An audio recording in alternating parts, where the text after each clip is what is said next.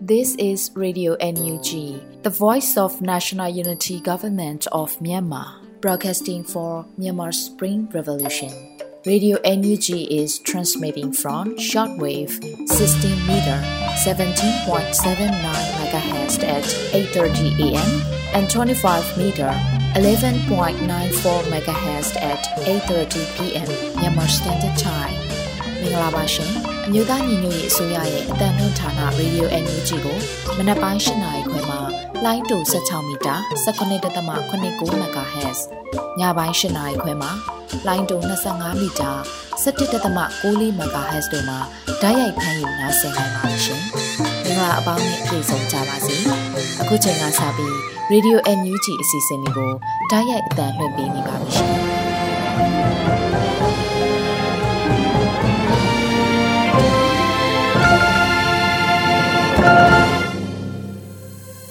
မြန်မာနိုင်ငံသူနိုင်ငံသားအပေါင်းတဘာဝပြီးဆရာနာရှင်ပြီးတို့ကနေကင်းကိုစိတ်နှပါဘေးကင်းလုံခြုံကြပါစေလို့ရေဒီယိုအန်ယူချီပြည်သားများကဆုတောင်းမြတ်တာပို့သလာရပါတယ်ရှင်။အခုချိန်ကစပြီးပြည်တွင်းသတင်းများကိုတော့မျိုးဦးမှုမှဖတ်ကြားတင်ပြပေးပါရမရှင်။မင်္ဂလာညချမ်းပါရှင်။ရေဒီယိုအန်ယူဂျီရဲ့ညပိုင်းပြည်တွင်းသတင်းတွေကိုတင်ပြပေးသွားမှာဖြစ်ပါတယ်။ကျွန်မကတော့ຫນွေဦးမှုပါ။ပထမဆုံးတင်ပြပေးခြင်းတဲ့သတင်းကတော့ NUG အစိုးရရဲ့ Federal ပြည်ထောင်စုရေးရာဝန်ကြီးဒေါက်တာဆလိုင်းလျံမုံစာခေါ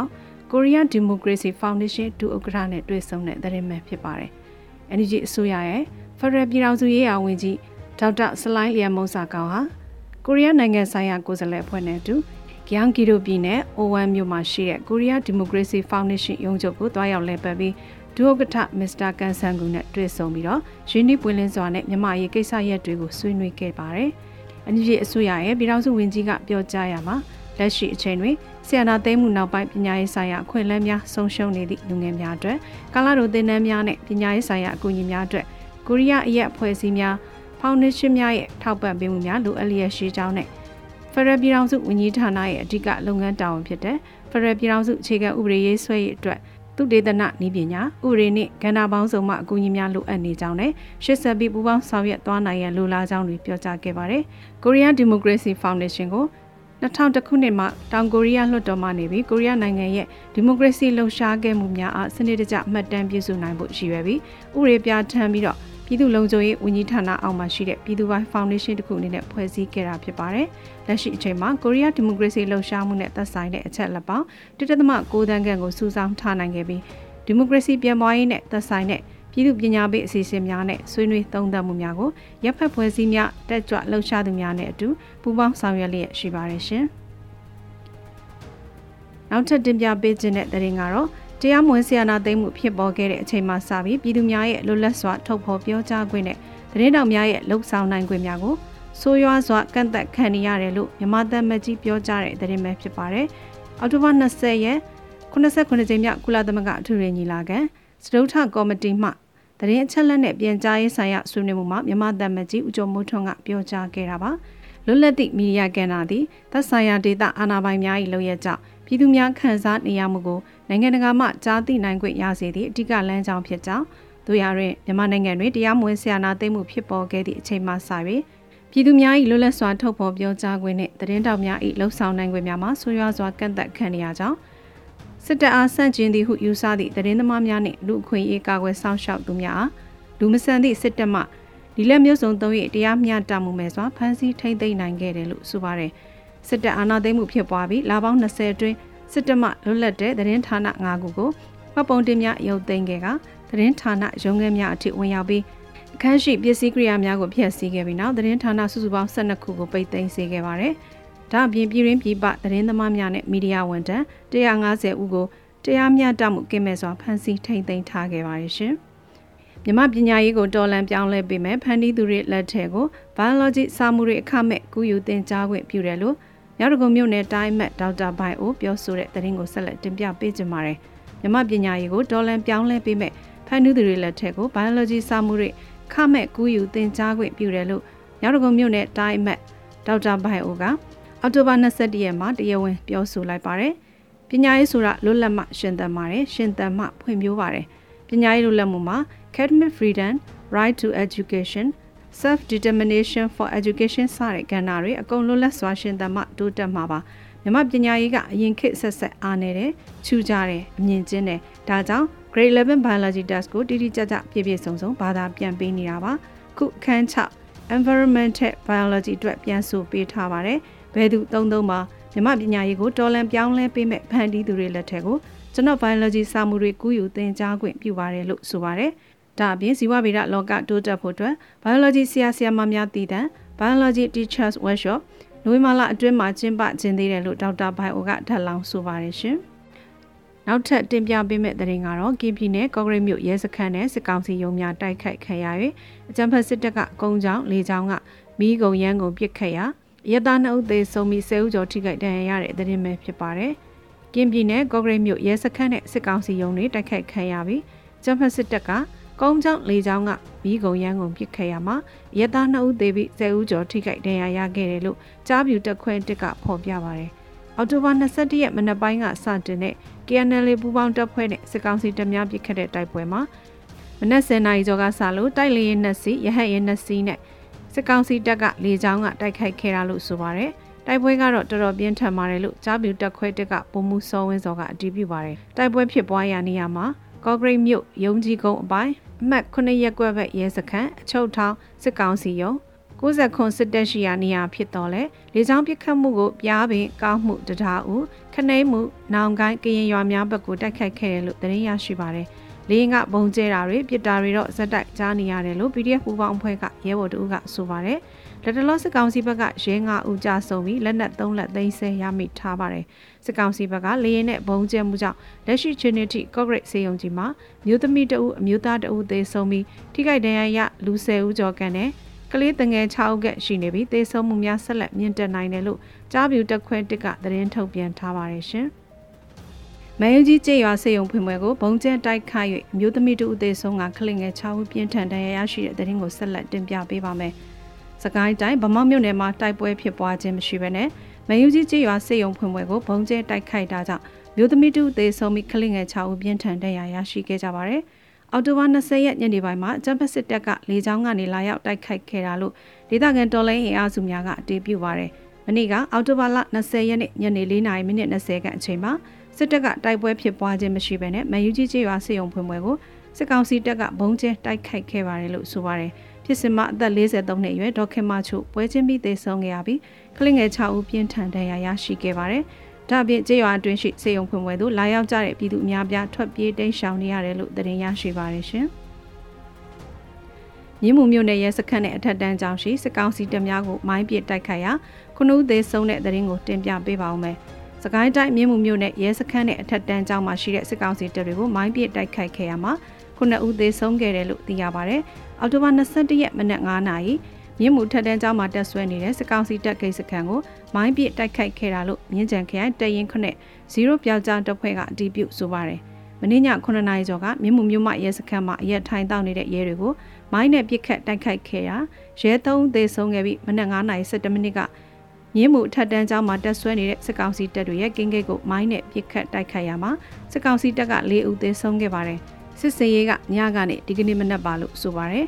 တိုက်ခိုက်မှုအားမြင်းကျန်ခရိုင်တရင်ခနဲ့0ပြောက်ကြားတပ်ဖွဲ့နဲ့တရင်ခနဲ့ရဲ့တပ်ခွဲ True Fighter အဖွဲ့တို့ပူးပေါင်းလှုပ်ဆောင်ခဲ့တယ်လို့သိရပါတယ်ရှင်။ NUG ပေးကိုငွေထုတ်ရလွယ်ကူတဲ့စနစ်ဖြစ်စေလိုကြောင်းကာကွယ်ရေးတပ်ဖွဲ့များထောက်ပြပြောဆိုတဲ့အကြောင်းအရာကိုလည်းတင်ပြပေးကြပါမယ်။အော်တိုဝါလာအတွင်းမေးမြန်းရမှာ Energy Pay ဟာငွေလွှဲမှုနဲ့ငွေဖြည့်သွင်းမှုလွယ်ကူလျင်မြန်စိတ်ချရပါမယ်။ငွေထုတ်ရခက်ခဲမှုတချို့ရှိရလို့ကာကွယ်ရေးတပ်ဖွဲ့အချို့ကဆိုပါတယ်။ကူညီကိစ္စအတွက်ငွေကချက်ချင်းသွားရမယ့်အချိန် အေဂျင့်ရဲ့အထက်ကလူကဖောင်ဖြစ်ခိုင်းပြီး24နာရီစောင့်ရမယ့်သဘောပြောတယ်။တခါက330ကျော်ထုတ်တာအဆင်မပြေဖြစ်သွားတယ်လို့ကာကွယ်ရေးတပ်ဖွဲ့တစ်ခုကဆိုပါတယ်။ဒါအပြင် Energy Pay ရဲ့ agent အချို့ဆက်ဆံရေးဟာလည်းအဆင်ပြေချောမွေ့ဖို့လိုတယ်လို့ထောက်ပြပါတယ်။အဓိကဒေါ်လာရေးတပ်ဖွဲ့တွေနဲ့ဆက်ဆံတဲ့နေရာမှာပြေးပြေးဖို့ပေါ့ကျွန်တော်တို့လည်းဒါပြည်သူကူးတဲ့ငွေကိုဒေါ်လာရေးအတွက်အသုံးပြုတယ်။သူတို့ဘက်ကလည်းဒီငွေကိုထုတ်ပေးတဲ့နေရာမှာအတက်နိုင်ဆုံးအဆင်ပြေအောင်ချိတ်ဆက်ပေးဖို့ပြလို့ဆိုပါတယ်ရှင်။ ခုတင်ပြပေးခဲ့တဲ့သတင်းတွေကိုတော့ Radio Energy သတင်းတောက်မင်းမင်းကပေးပို့ထားတာပဲဖြစ်ပါတယ်ရှင်။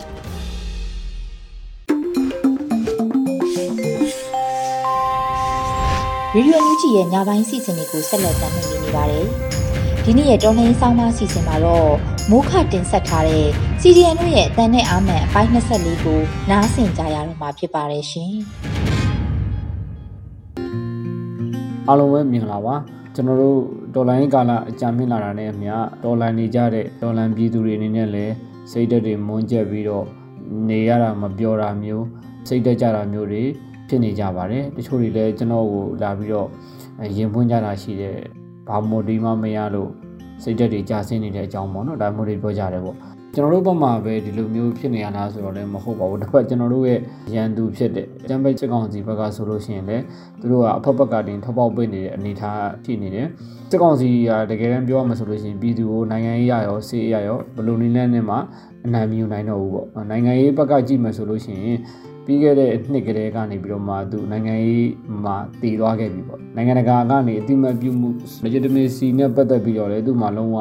နီလန်မရှိတော့ဘူးဆိုရအဖြစ်အတိမတ်ပြုခံရဖို့ဆိုတာကြာလီဝေးလေးဖြစ်သွားပြီပေါ့ပြည်တွင်းမှာဆိုလို့ရှိရင်လည်းတကယ်တိုင်းသားလက်နက်ကိုင်တော်လိုင်းအဖွဲ့အစည်းတွေပေါ့နော် ERO လို့ကျွန်တော်တို့ပြောင်းလဲခေါ်လိုက်တဲ့ဒီ Ethnic and Revolution Organization ပေါ့နော် ERO တွေပေါ့ဒီ ERO တွေနဲ့လည်းသူတို့က အဲဂုံတိတ်ကရှိတဲ့အဖွဲ့အစည်းတွေနဲ့ကောင်းမွန်တဲ့ဆက်ဆံရေးတွေမတိဆောက်နိုင်တော့ဘူးပေါ့နော်တခြားအဖွဲ့အစည်းငယ်ငယ်လောက်နဲ့ဒါသူတို့ချိတ်ဆက်ဆောင်ရွက်ထားနိုင်တယ်။ညီညာရေးဆွေးနွေးပွဲတွေကိုဖိတ်ခေါ်တဲ့အခါမျိုးမှာကြီးမားတဲ့အဖွဲ့အစည်းတွေပေါ့နော်။ဂုံတိတ်ကကြီးမားတဲ့အစင်လာကြီးမားတဲ့အဖွဲ့အစည်းတွေကမလာတော့ဘူးပေါ့။အဲ့တော့နိုင်ငံရေးမှာလည်းသူကတည်သွားပြီလို့ပြောလို့ရတယ်။ရှေ့ဆက်ပြီးတော့လည်းအလားအလာကောင်းတဲ့ကြောင်းမရှိတော့ဘူးပေါ့။ ဒါနိုင်ငံရေးပေါ့စစ်ရေးနဲ့ကြည့်မယ်ဆိုလို့ရှိရင်လည်းပြည်သူတွေကိုပြည်သူရဲဘော်တွေကိုလင်းသုံးပြီးတော့ဘုံကျဲတာမျိုးပေါ့လက်နက်ကြီးတွေနဲ့ရန်တမ်းပစ်ခတ်တာမျိုးကလွယ်လို့ရှိရင်ဂုံတိတ်ကရှိရှိညနေချင်းဆိုင်ပြီးတော့ရင်ဆိုင်တိုက်ပွဲတွေမှာအနိုင်မရတော့ဘူးပေါ့ဒီလိုနှစ်ပေါင်းများစွာလေ့ကျင့်ထားတဲ့အတွေ့အကြုံပြေးသွားတဲ့တိုင်းသားလက်နက်ကိုင်တွေမဆိုတာနဲ့ပေါ့နော်သူတို့ပြောနေတဲ့တလားပြည့်တင်နန်းစင်သုံးလားပြည့်တင်နန်းစင်လို့ပြောတယ်ပြည်သူရဲဘော်တွေတော့နိုင်အောင်မတိုက်နိုင်တဲ့အခြေအနေမျိုးတွေဖြစ်နေပြီပေါ့ဒါတွေကအားလုံးမြင်တွေ့တဲ့အတိုင်းပါပဲပေါ့ အဲ့တော့ဒီလိုအခြေအနေဒါမျိုးမှာစစ်ကောင်စီဘက်ကဘာကိုဥတီပြီးလှုပ်ရှားလာတဲ့ဆိုတော့ကျွန်တော်တို့ဘက်ကိုပြည်သူတွေပေါ့နော်အနေနဲ့တော်လန်ရေးကိုစိတ်တက်ကြအောင်စိတ်ပြတ်သွားအောင်ဆိုပြီးတော့ရည်ရွယ်ရှိရှိနဲ့အဆုံးအနေနဲ့လှုပ်ဆောင်လာတယ်ပေါ့ဒါကိုကျွန်တော်တို့တွေနဲ့သိနားလဲထားဖို့လိုတယ်ပေါ့နော်ဘာဖြစ်လို့ဒီဒေါ်လန်ရေးကိုပြည်သူတွေစိတ်တက်ကြအောင်စိတ်ပြတ်သွားအောင်လုပ်လာတယ်ဆိုတော့သူတို့ရဲ့အဓိကရွေချက်ကတော့ပြည်သူတွေကလက်လျှော့လိုက်ပြီပေါ့နော် ဒီတိုင်းပဲပြီးသွားတော့မှာပါဆိုတာမျိုးနဲ့လက်လျှော့လိုက်မယ်ဆိုလို့ရှိရင်ယုံကြည်ချက်ကြီးပြတ်သွားတယ်ပေါ့နော်ယုံကြည်ချက်ပြတ်သွားတဲ့အခြေအနေမျိုးမှာပါဘာဖြစ်လာနိုင်လဲဆိုတော့ဒေါ်လာကြီးမှာပါဝင်နေတဲ့အင်အားတွေကိုရက်တန့်လိုက်တာတွေရှော့ချပစ်တာတွေဖြစ်လာနိုင်တယ်ပေါ့တချို့ဆိုလို့ရှိရင်မထူးတော့ပါဘူးဘာမှလည်းထူးကြမလာတော့ပါဘူးဆိုပြီးတော့အရှုံးပေးလိုက်တာမျိုးပေါ့နော်တချို့ကြတော့လည်းထဲဝင်လာတဲ့အင်အားကိုရှော့ချလိုက်တာပေါ့ဥပမာငွေလူရဲဆိုလို့ရှိရင်လည်းပုံမှန်လူနေတာတသိန်းလူရင်တို့ကမဖြစ်မနေ မကောင်းတဲ့လို့လှူတဲ့ပုံစံမျိုးပေါ့နော်9000လောက်လှူတာမျိုးပေါ့နောက်3000လှူတာမျိုးအဲ့လို short ချလှူတာမျိုးတွေဖြစ်လာနိုင်တယ်ကျို့တို့လုံးဝမလှူတော့ဘူးပေါ့နောက်သူတို့ပဲ click တာပေါ့ click တဲ့သူတွေလည်းအရင်တော့ယုံကြည်ချက်နဲ့ click တာပေါ့ နောက်ပိုင်းမှာကျော်လိုင်းမအောင်နိုင်တော့ဘူးဆိုတာမျိုးတွေအောင်းမလို့တော့ဒီတိုင်းပဲပြီးသွားတော့မယ်ဆိုတော့ယုံကြည်ချက်တွေဖြစ်သွားပြီးအမှားတွေဖြစ်လာပြီဆိုလို့ရှိရင်စိုက်ဝါးတွေသူတို့ဝင်သွားပြီဆိုလို့ရှိရင်ပုံမှန်မကလစ်တော့ဘဲနဲ့ကလစ်တာကိုရက်လိုက်တိုင်းမျိုးကလစ်လုံးရှော့ချတိုင်းမျိုးတွေဖြစ်လာနိုင်တယ်ပေါ့နော်ဒါတစ်ချက်ပေါ့တစ်ဖက်မှာပြီးရင်သူနဲ့ဆက်ဆက်နေတာနံပါတ်1အနေနဲ့ကပြည်သူရဲဘော်တွေပေါ့ပြည်သူရဲဘော်တွေကပြည်သူတွေကိုကြည့်နေတာပြည်သူတွေဘာလုပ်နေကြလဲပြည်သူတွေကပုံမှန်တိုင်းသွားလာလှုပ်ရှားလိုက်ပြီလား CDM တွေအခု CDM ဝန်ထမ်းတွေရုံးမြတက်နေကြပြီလား CDM ကျောင်းသားတွေရောကျောင်းတွေပြန်တက်နေကြပြီလားလူတွေပုံမှန်လှုပ်ရှားသွားလာနေကြပြီလားပြည်သူတွေကစက်ကောင်စီအုပ်ချက်တော်လက်ခံလိုက်ပြီလားဆိုတာမျိုးကိုကြည်နေတာပေါ့နော်သူတို့ကဒီတိုင်းနေတာမဟုတ်ဘူးသူတို့လည်းအင်တာနက်ဖွင့်ပြီးတော့သုံးနေရတဲ့ကြောင့်တို့လည်းတွေ့နေမြင်နေရတယ်ပေါ့နော်အဲ့တော့ဒီနှစ်ခုကဆက်ဆက်နေတယ်ပေါ့နော်ဒီသူတွေကဒေါ်လာရေးအပေါ်ယုံကြည်ချက်ရော့ကျသွားမယ်ပျက်စီးပြတ်သွားတယ်ဆိုတာနဲ့ဒေါ်လာရေးအပေါ်တက်ရောက်မှုက impact ကြီးအကြီးပဲဖြစ်တယ်ပေါ့နော်ပြည်သူရဲဘော်တွေမရှိတော့ဘူးဆိုလို့ရှိရင်ပြည်သူတွေကပြည်သူရဲဘော်တွေကလည်းဆိုတော့ပြောတဲ့ဒေါ်လာနေရတဲ့ပြည်သူတွေအပေါ်သူတို့ကလည်းစိတ်ပြတ်သွားပြီးဒေါ်လာရေးမယုံကြည်တော့ဘူးဆိုလို့ရှိရင်သူတို့ဆိုလို့ရှိရင်လည်းပြည်တွင်းပြန်သွားတာပေါ့နော်ကိုယ်ဥစားတီးမြေကိုချက်မြုပ်ကိုပြန်သွားကြတာမျိုးပေါ့နော်ရှိတယ်ဆက်မြုပ်ပြီးတော့တခြားနေရာမှာပြောင်းနေကြတာမျိုးတွေနောက်ဒီဘက်ကိုအောက်လန်းထွက်သွားကြတာမျိုးတွေရှိနေတယ်ပေါ့နော်တချို့တွေလည်းလက်တွေ့သတင်းတွေကြားနေရတာတွေရှိတယ်ပေါ့ အဲ့တော့ဒါတွေကိုကျွန်တော်တို့ကသတိကြီးကြီးနဲ့ရှောင်ရှားထားဖို့လိုမယ်ပေါ့နော်အခု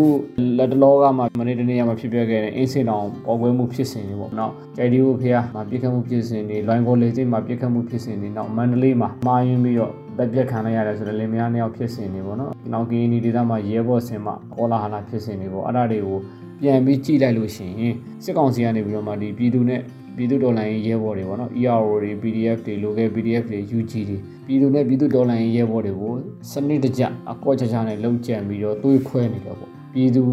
တွေကိုဒေါ်လာရေးပေါ်မှာယုံကြည်ချက်တွေကြာတော့အောင်ဒေါ်လာရေးရဲဘော်တွေပေါ်ယုံကြည်ချက်တွေပြည့်စည်တော့အောင်ဆိုတာမျိုးနဲ့တက်ရှုသွေးခွဲလုံနေတာတွေရှိတယ်ပေါ့နော်အဲ့လို propaganda လုပ်နေတယ်ပေါ့ aura ဖြန့်နိုင်တဲ့ပတ်သက်ပြီးတော့ကူညီပေးနေတာကစစ်တပ် lobby တွေရှိတယ်စစ်ကောင်စီမီဒီယာတွေရှိတယ်နောက်တာပါတီအမိခံထားတဲ့အုပ်စုတွေရှိတယ်အဲ့တာပါတီအုပ်စုဆိုတာကလည်းကြည့်လို့ရှိရင်ဘာမှမဟုတ်တယ်လို့မျိုးနဲ့တကယ်တမ်းတော့ဒေါ်လာရေးကိုတစ်ဖက်လည်းနဲ့ဖြည့်ဆည်းနေတယ်မှာသူတို့ပါတယ်ပေါ့။ဘာကြောင့်လဲဆိုတော့သူ တို့ကသူတို့ရဲ့ personal branding ကိုတိဆောက်ခြင်းအောင်တတ်တတ်နဲ့ NUG ကိုဖောင်းထုသာကစားကိုဝေဖန်အဲ့လိုမျိုးနေတဲ့နဲ့ NUG ကိုဖောင်းထုဝင်ထုဝင်ပြည်သူရဲဘော်တွေကိုဝေဖန်ရင်းနဲ့ဒေါ်လာရေးပေါ်ပြည်သူတွေစိတ်ပြတ်လာအောင်ဖြည်းဖြည်းလှုပ်ဆောင်နေရတယ်တွေ့ရလို့ပေါ့နော်အဲ့တော့အနှိမ့်ချုပ်လုံရင်းကိုပြောရမယ်ဆိုလို့ရှိရင်ပြည်သူတွေအနေနဲ့ကစောင်းနေအတွက်ရေရှည်မှာရုန်းကန်လာတာလည်းမှန်ပါတယ်လုံခြုံရေးသတိကိုလည်းရဲရှိနေရတယ်ဂိူးဆိုင်နေရတာလည်းမှန်ပါတယ်ပေါ့ ဒါပေမဲ့ဘလို့အခြေအနေမှာဖြစ်ဖြစ်တော်လန်ရေးကိုမရက်တန့်လိုက်ဖို့လုံးဝလက်မလျှော့လိုက်ဖို့အရေးကြီးပါတယ်ရက်တန့်လိုက်မယ်လက်လျှော့လိုက်မယ်ဆိုရင်တော့ပြောခဲ့သလိုမျိုးပဲစစ်ကောင်စီအကြိုက်ဖြစ်သွားမှာမို့လို့ဖြစ်ပါတယ်နောက်တစ်ချက်ကပြည်သူရဲဘော်လေးတွေပေါ့ပြည်သူရဲဘော်တွေနဲ့လည်းရေဘော်စီလူရန်စားတွေပေါ့သွာလာလှုပ်ရှားနေတယ်ပျော်ပါနေရတယ်ကိုကြည့်ပြီးတော့စိတ်တမကြဖို့မြစ်တာရက်ခံခြင်းနဲ့ဘလို့အခြေအနေပဲဖြစ်ဖြစ်ပေါ့နော်အားပေးဝင်ရနေမယ်ပြည်သူတွေရှိတယ်ဆိုတာကိုလည်းယုံကြည်ပေးစေခြင်းနဲ့ စောင်းနေနဲ့လုံခြုံရေးကြောင့်သာထိုင်းလျောက်ပေါ့ဒေါ်လာအင်အားရောကြနေပေမဲ့နောက်ဆုံးချိန်ထိပေါ့နော်ပန်းနိုင်မရောက်မချင်းခီးဆက်နေမယ်ဝင်းရနေမယ်ပြည်သူတွေရှိတယ်ဆိုတာကိုအလေးနဲ့ယုံကြည်စေခြင်းနဲ့ အကြောင်းမလို့စစ်ကောင်စီကဘလိုပဲရဲ့ဆက်ရုံမှာအောက်တန်းကြပါစေကျွန်တော်တို့အားလုံးစီးလုံးညီညွတ်စွာနဲ့အကြောချင်းကပ်ပြီးတော့အပြန်အလှန်ဖေးမကူညီနဲ့ရှေ့ဆက်ကြပါမယ်။လုံးစရာရှိတာတွေကိုပုံမှန်တိုင်းယုံကြည်ချက်နဲ့လုပ်ကြမယ်။ချင်းနဲ့အပြန်အလှန်ဖေးမကူညီနဲ့သွားကြမယ်။စစ်ကောင်စီရဲ့ရက်ဆက်ရုံမှမှုတွေကိုလည်းလက်နိုင်သမျှမျှဝေကြမယ်။ပြပတ်ကြမယ်။မသိနားမလည်တဲ့သူတွေကိုဆွဲခေါ်ကြမယ်ပေါ့နော်။အရေးတော်ပုံမှုတ်ချအောင်ရမယ်။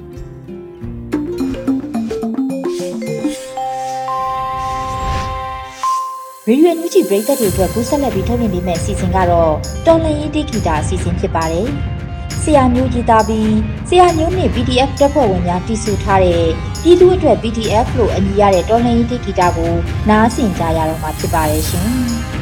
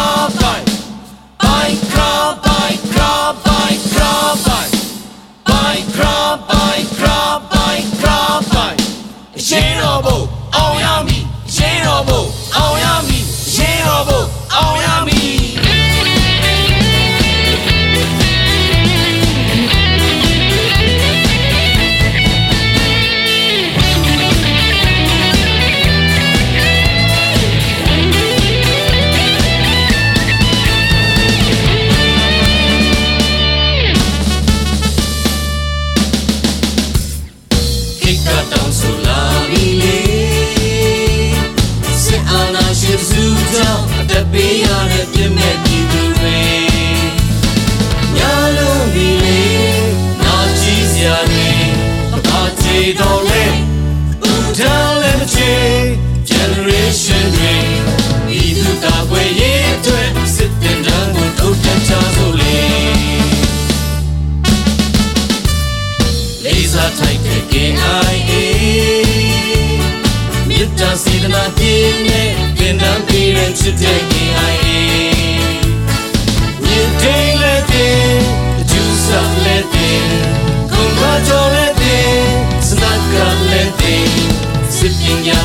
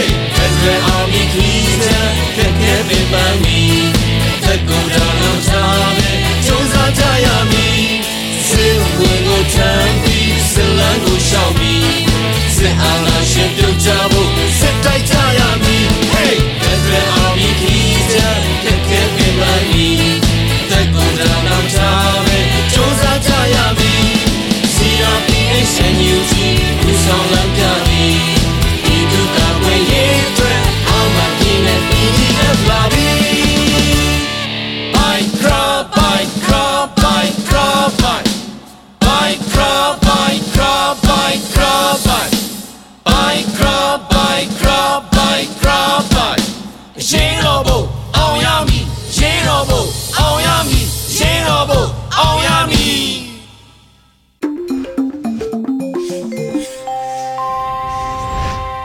ရေဒီယိုညူချီမှာဆက်လက်တင်ပြနေပါတယ်။အခုတစ်ခါတော်လည်ရေးလူပညာကဏ္ဍမှာတော့ဖြစ်ချောင်းကုံစင်အညာတခွင်အပိုင်း22ကိုတန့်ဝေကျော်ရဲ့တင်ဆက်မှုနဲ့နားဆင်ကြရတော့မှာဖြစ်ပါတယ်ရှင်။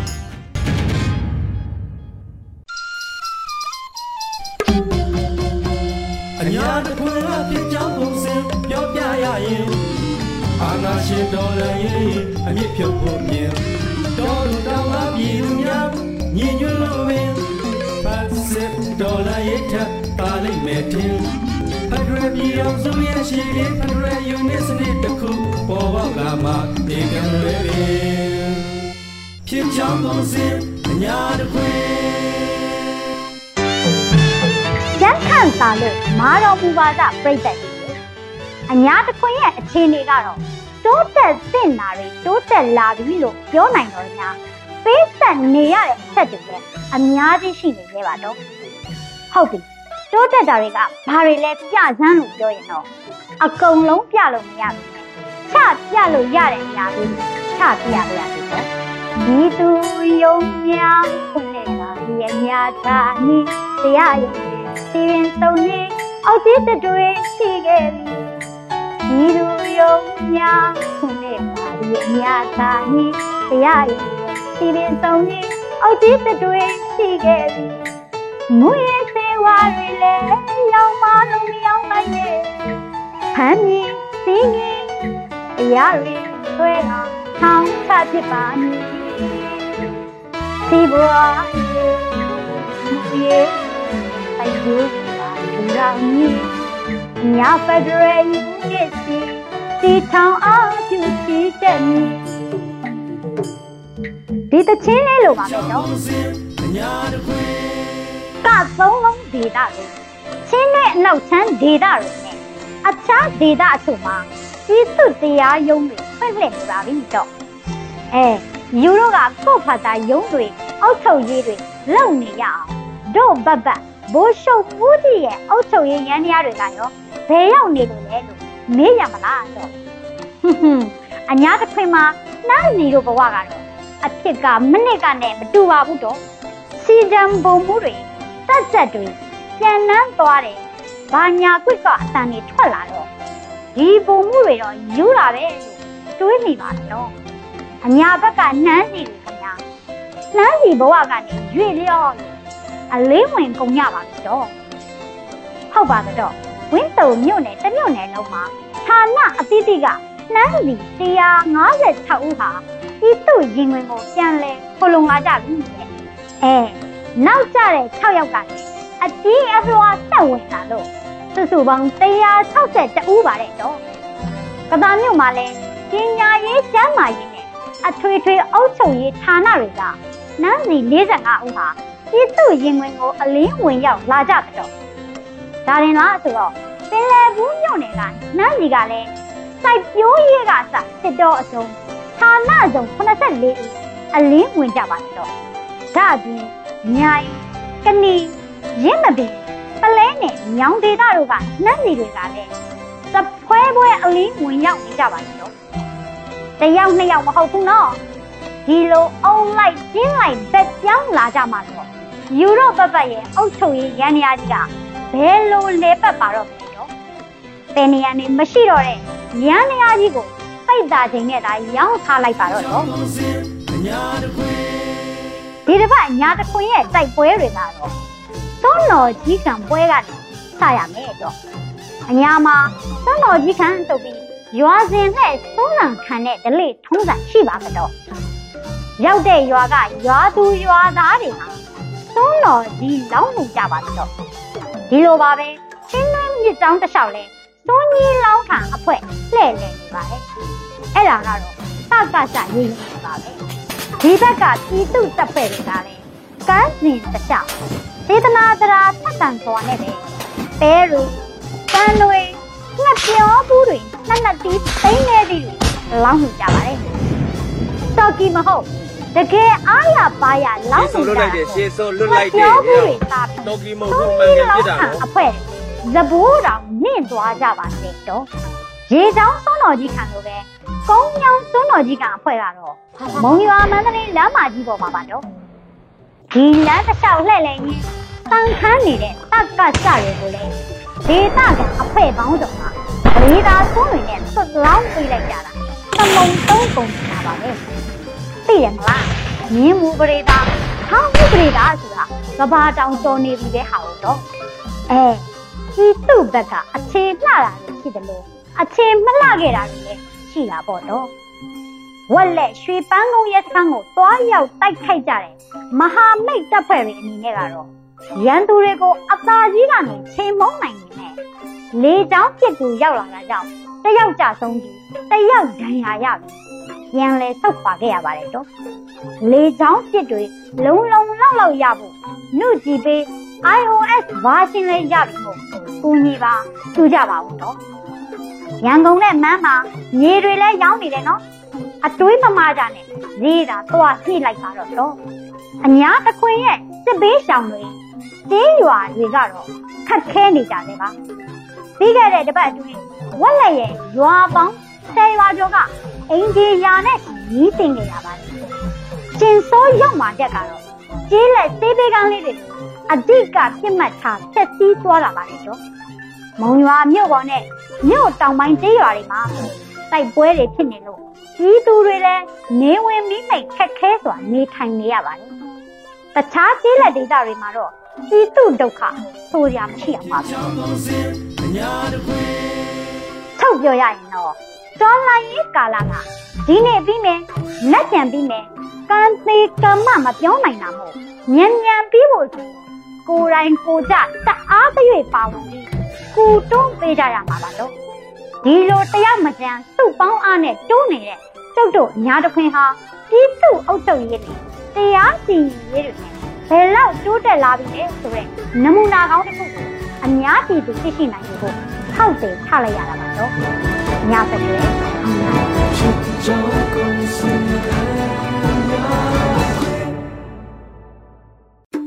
ဒီကနေ့ကတော့ဒီညနဲ့ပဲ Radio NUG ရဲ့အစီအစဉ်လေးကိုခਿੱတရနာလိုက်ပါမယ်ရှင်။မြမစံတော်ချိန်မနက်၈နာရီခွဲနဲ့ည၈နာရီခွဲအချိန်တွေမှာပြန်လည်ဆုံတွေ့ကြပါစို့။ Radio NUG ကိုမနက်ပိုင်း၈နာရီခွဲမှာလိုင်းတူ16မီတာ19.8